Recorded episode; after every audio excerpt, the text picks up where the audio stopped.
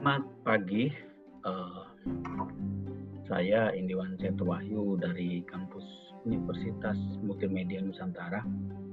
Hari ini uh, saya akan memaparkan bagaimana tanggapan kampus terhadap program Kampus Merdeka yang dicanangkan oleh Menteri Pendidikan kita.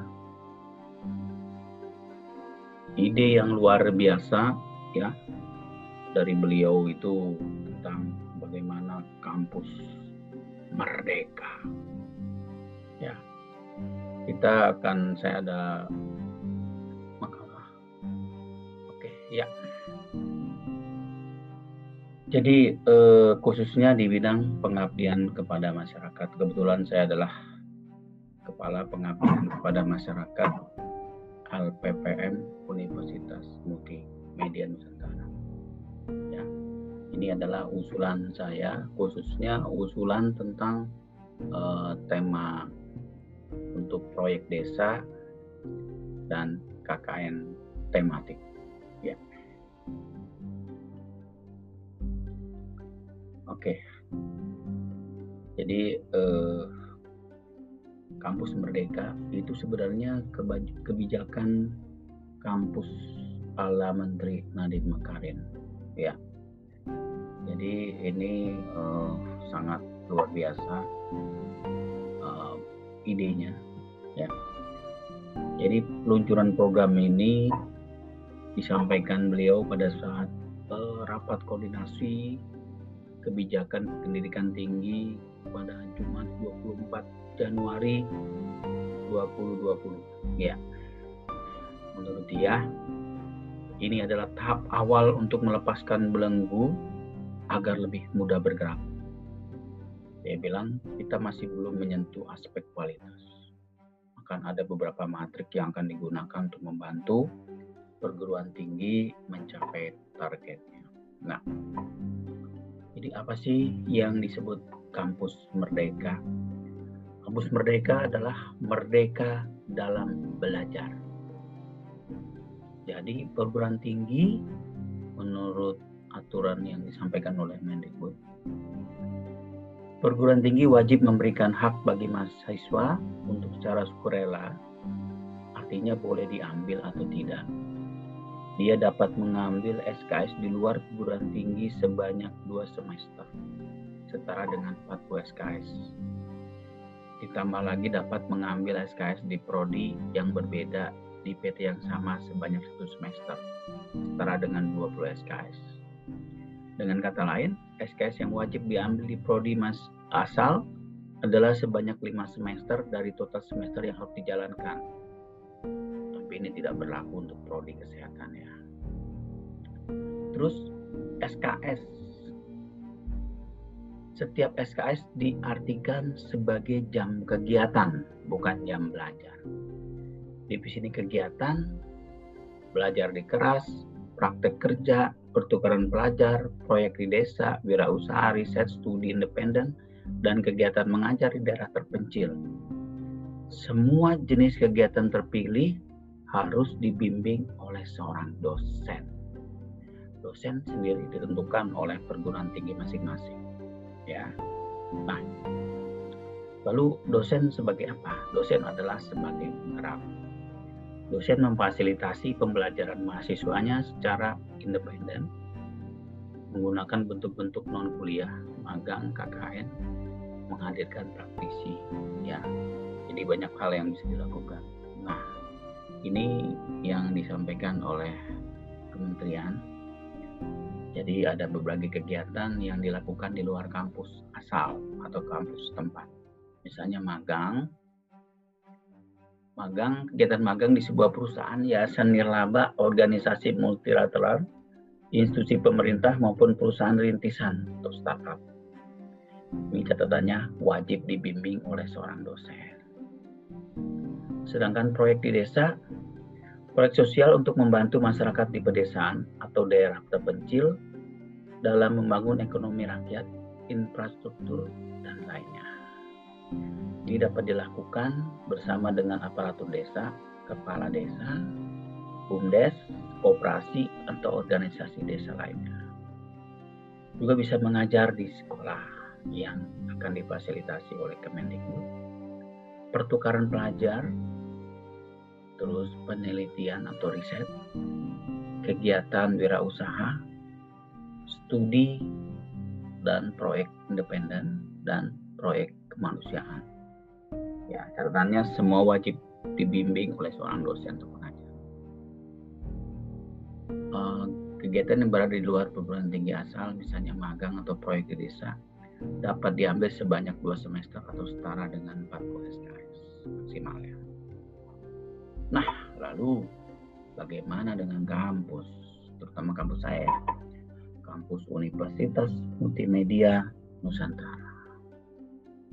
Jadi sebenarnya kita sudah punya sedikitnya empat desa binaan ya dan beberapa yang beberapa yang sedang kita bina yaitu desa Lengkang Kulon, Keranggan, Sendang Wetan, serta desa Muncul.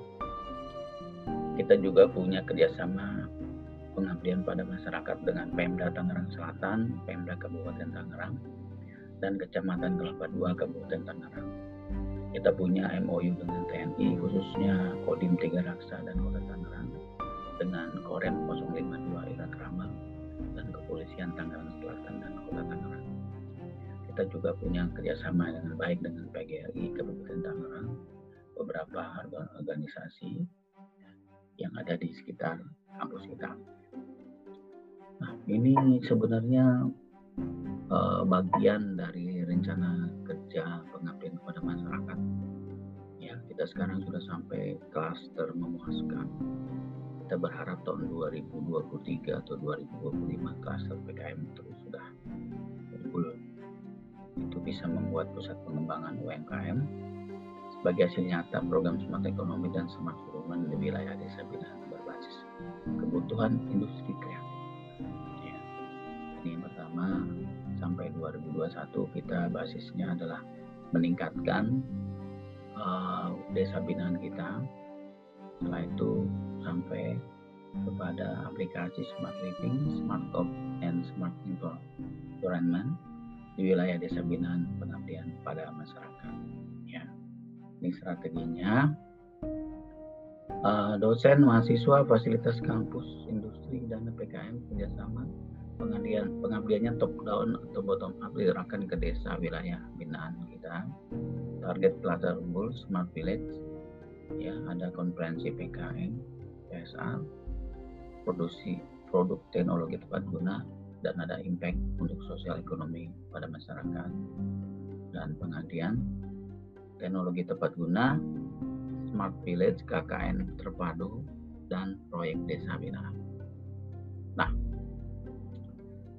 apa sih syaratnya ya yang boleh di yang bisa diri apa menjadi proyek desa atau melakukan KKN tematik. Pertama, mahasiswa sendiri telah menyelesaikan semester 6. Bisa dilakukan secara berkelompok kalau di desa ya.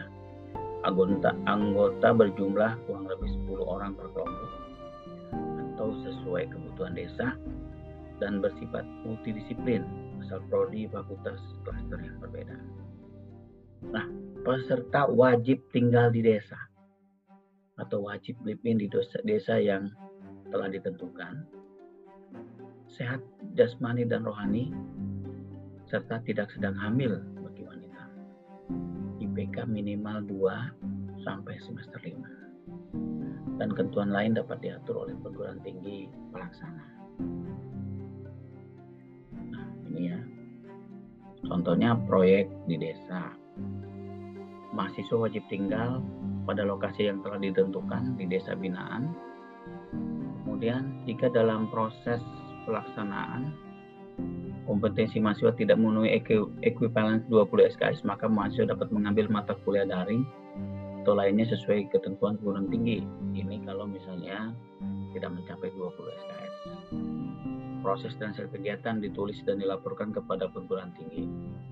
Hasil kegiatan dapat diekuivalensikan sebagai skripsi atau tugas akhir sesuai ketentuan perguruan tinggi. Ini sebenarnya tantangan ya buat kita.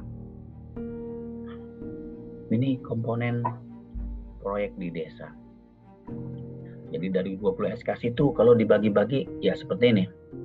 Jadi ada kompetensinya merumuskan permasalahan di desa. Di desa itu punya masalah apa? Target outputnya adalah proposal proyek di desa. Terus menyelesaikan masalah di desa, membuat proyek di desa sesuai kebutuhan desa melalui KDH Ilma dan metode keilmuan masing-masing, mengenalkan dan menerapkan efek teknologi tepat guna di desa, menulis artikel ilmiah hasil proyek di desa, kemampuan bersosialisasi, berkomunikasi efektif, dan kemampuan bekerja sama. Nah, target outputnya adalah selain proposal dan laporan akhir, uh, juga ada seminar berkala ya, yang dilakukan. Kemudian ada proyek. Proyek bisa berupa rancang bangun, market, video kegiatan, modul, dan sebagainya. Dan tingkat kesiapan teknologi. Ya, ini juga bisa diukur ya SKS-nya tiga proceeding atau jurnal uh, bisa disampaikan untuk dengan SKS 3.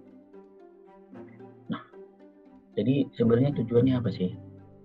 Jadi mahasiswa mampu melihat potensi desa, mengidentifikasi masalah dan mencari solusi untuk meningkatkan potensi dan menjadi desa mandiri.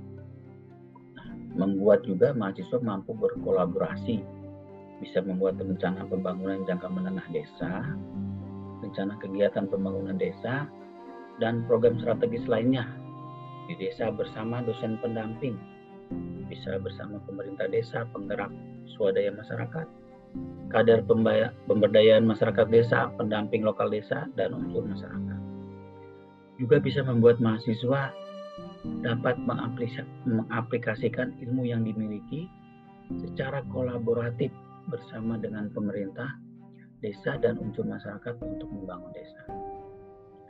Dan mahasiswa mampu mendapatkan memanfaatkan ilmu pengetahuan teknologi dan keterampilan yang dimilikinya di lapangan yang disukai. Nah, itu proyek di desa. Uh, jadi tujuannya ada kehadiran mahasiswa dan membantu percepatan pembangunan wilayah desa bisa bekerja sama dengan Kementerian Desa PD. Sedangkan kalau komponen KKN tematik di desa, ya dengan target 20 SKS itu seperti itu sama juga ya. Hanya target outputnya ada program kegiatan PK KKN proyek nyata terus kemudian video kegiatan modul dan lain-lain ya sama seperti proyek di desa. Ini KKN tematik dan proyek di desa hampir sama ya. Yang pertama mahasiswa mendaftar mata kuliah di KRS, terus mendaftar kegiatan proyek di desa, menentukan calon desa binaan, mencari desa yang potensial, survei lapangan, seleksi proposal, kemudian pelaksanaan proyek, ya. Setelah itu eh, sertifikat proyek, konvensi nilai, kemudian laporan, perguruan tinggi bisa melaporkan dan akhirnya kegiatan yang relevan, kuliah kerja nyata, pengelolaan badan usaha milik desa, pengembangan desa berbudaya lingkungan, itu misalnya contohnya. Seperti ini.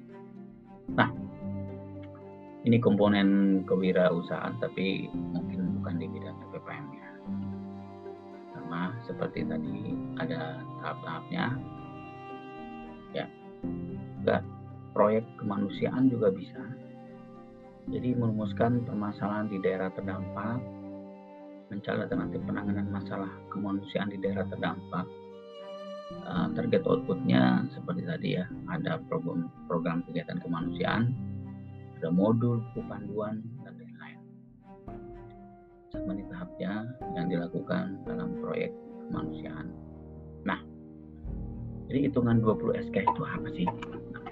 20 SKS itu ekuivalen dengan 3.400 menit kegiatan pengabdian atau riset oleh mahasiswa per minggu per semester. Waktunya di lokasi 8 jam per hari dalam satu semester.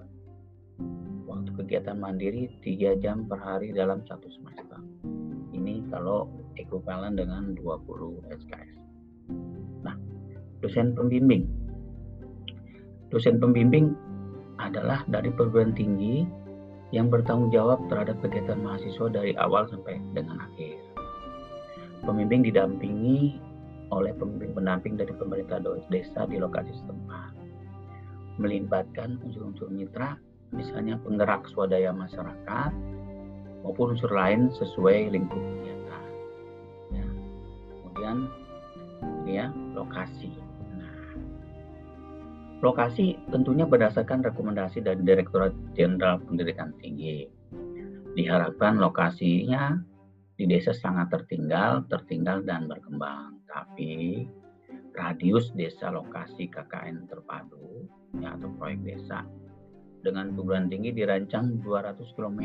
Jadi jangan jauh-jauh. Dan bisa juga dilakukan di desa-desa binaan perguruan tinggi pelaksana atau desa lain yang diusulkan oleh mitra oleh Pemda, industri, dan lainnya. Nah, kita dari UMN karena kita lokasinya di Kelapa II, kita dekat dengan desa Curug Sangreng, ya kita juga punya kerjasama dengan Kecamatan Kelapa II. Jadi di sini yang masih menjadi desa adalah desa Curug Sangreng, ya. Yang lain sudah kelurahan, ya. Kemudian uh, kita akan yang sedang di sedang kita ini adalah desa Cibubu, desa Sampora, desa Sedang Wetan sudah, desa Curug Sangereng, desa Cicalengka, desa Pegedangan, desa Tapos, desa Malang Tengah, desa Lengkong Kulon dan Keranggan. Dari dari rencana ini yang baru terwujud adalah untuk desa Sedang Wetan, kemudian desa Curug Sangereng, Desa Lengkong Kulon dan Desa Keranggan. Ya. Nah, kita juga punya rencana MOU baru di tahun 2020 dengan Korem sudah terlaksana, dengan beberapa sekolah sudah terlaksana. Ya. Nah, ini contoh desa binaan kita di daerah desa Serdang Wetan yang terkenal dengan banyaknya usaha perikanan ya. Kemudian desa Cibogo di Kabupaten Tangerang. Kemudian desa Cicalengka Tangerang. Juga kita akan menjajaki mau buat uh, MOU MOU baru dengan Kota Tangerang Banten. Dan ini desa binaan kita di desa muncul tiga raksa Tangerang. Nah, mitranya kita bisa menggunakan mitra dari pemerintah seperti Kemendes, bisa binaan PT, Bumdes binaan PT, Kemkes, PUPR, Kementan, dan lain-lainnya. Bisa pemerintah desa, pemerintah daerah, BUMN dan industri, social investment, startup, kita punya Sky Star UMN, kelompok masyarakat, perantau, dan diaspora. Jadi proyek di desa itu enam bulan setara dengan 12 SKS. Proyek KKN tematik 6 sampai 12 bulan setara dengan 20 SKS. Proyek kemanusiaan 6 bulan dengan dua ini ya. Uh, terima kasih. Ini dari bahan yang saya ini ya. Tapi lalu gimana teknisnya? Gimana penilaiannya? Kalau misalnya kita menerapkan ini, lalu kira-kira bagaimana? Nah, lalu gimana cara penilaiannya? Yang pertama, kita lihat proposal di desa ya.